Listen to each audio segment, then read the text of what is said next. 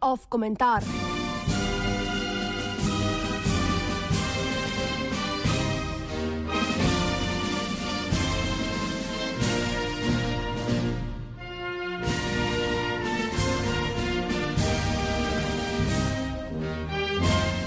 Blaginja za vse.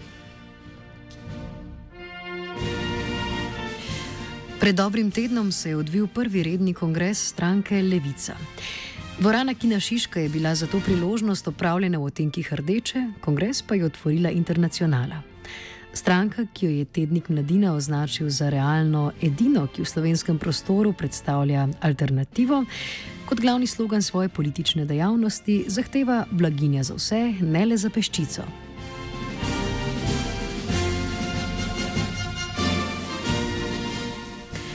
Gre torej očitno za nadaljevanje kampanje z enakim imenom, ki jo je Levica sprožila v februarju in je zajemala svežen zakonskih predlogov, ki naj bi zagotovili blaginjo za vse.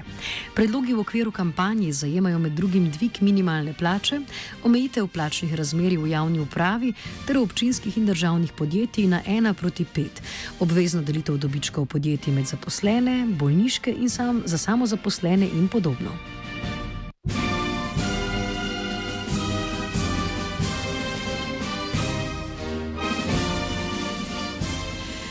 Med predlogi verjetno najbolj bije v oči obvezna delitev dobičkov podjetij med zaposlene. Predlog zakona predvideva, da bi podjetja z več kot 20 zaposlenimi, ki bi izplačilu lasnikom namenila več kot 15 odstotkov dobička, morala 40 odstotkov tega deleža razdeliti tudi med delavce. V zameno za to bi bili po enem letu oproščeni plačevanja 70 odstotkov davkov na dohodek, po treh letih pa 100 odstotkov.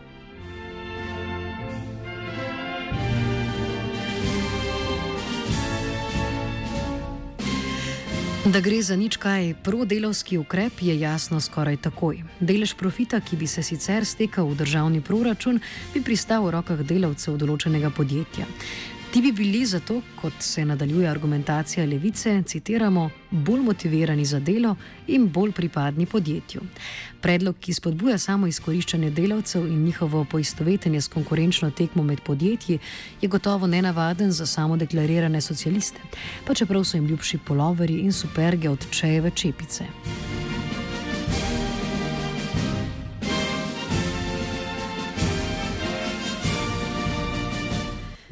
Če bi levici na besedo verjeli, da je socialistična v pomenu, ki ga ponavadi pripisujemo tej besedi, ne bi bil nič manj osupljiv njen sklep o predstavitvi predloga, citiramo, delitev dobička in sodelovanje delavcev pri upravljanju podjetij sta zato temeljni kamen preobrazbe v pravičnejšo družbo, kjer bosta kapital in gospodarska rast služila vsem in ne le peščici.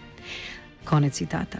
Da je kapital nekaj, kar služi vsem, je izjava, ki bi jo lahko pripisali le nekomu, ki nima osnovnega znanja marksistične teorije in ki zato ne vidi razredne ločnice, ki se vzpostavi med produkcijskim procesom z ustvarjanjem in prilaščanjem presežne vrednosti, ne glede na siceršnji življenjski standard, obširnost socialne države ali delovskih pravic. Udeležba delavcev pri dobičku izkoriščanja in razredne delitve pač ne ukinja ali manjša, še posebej, če je povezana s hkratno oproščenostjo od davkov na dohodek. S tem se vzpostavi še navidezni antagonizem med zlobno državo na eni strani, ki pobira trdo prigarani prihodek, in podjetjem na drugi strani, ki proizvaja in bo zdaj sadove svojega skupnega dela pravično porazdelil.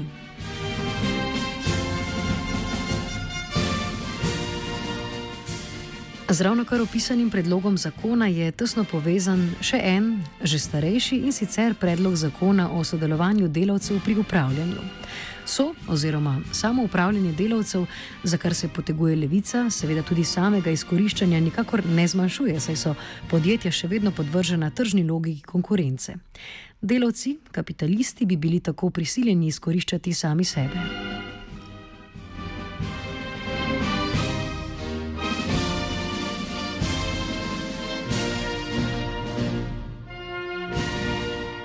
Če sta to dve od verjetno pomembnejših programskih zahtev levice, ki neposredno zadevajo delavce, pa je postalo očitno, da ti ne predstavljajo primerne baze stranke in da se ta ne ozira primarno na njihove interese. To je večkrat izpostavila tudi levica sama, ki se je že na začetku predstavila za stranko inteligence in malo meščanov. Socializem, ki ga zagovarja, pa očitno razume predvsem v pomenu socialne države in liberalnih identitetnih politik.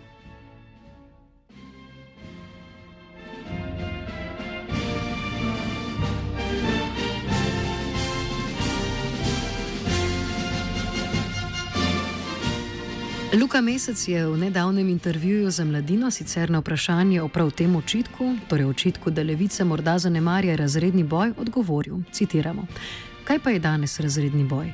To je osrednji boj, ki prešije vse ostale boje v družbi.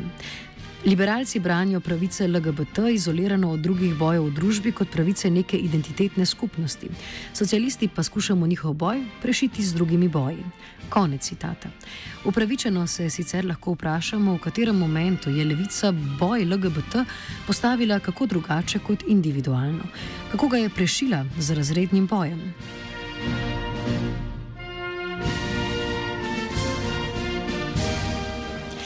Zelo jasno je v istem intervjuju mesec svojo identitetno in malomeščansko politiko izrazil, ko je ob navajanju Orvela izjavil: Citiramo, takratnim socialistom očita, da so izgubili polovico populacije s tem, ko so svoj nagovor osredotočili na mitski lik proletarca, mišičastega apoteptanega moža v zamaščenem pajacu. In moče predpostavili, da med njim in drugo mitsko figuro razrednega boja, kapitalistom, zavaljenim hudobnim človekom s cilindrom in krznenim plaščem, ni ničesar pa je bilo že takrat vmes pol Anglije, danes pa smo praktično vsi. Konec citata. Torej, identiteto mišičastega delavca moramo nadomestiti številnimi in raznolikimi identitetami tistih vmes.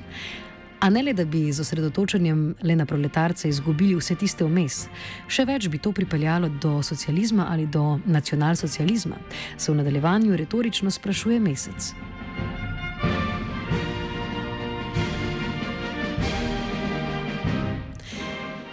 Hvaljena bodi torej sprava dela in kapitala, hvaljeni bodita strpnost in identitetna raznolikost. Hvaljeni, kaj ti varujete nas pred barbarstvom neoliberalizma na eni in nacionalsocializma na drugi strani. Komentirala je Zala.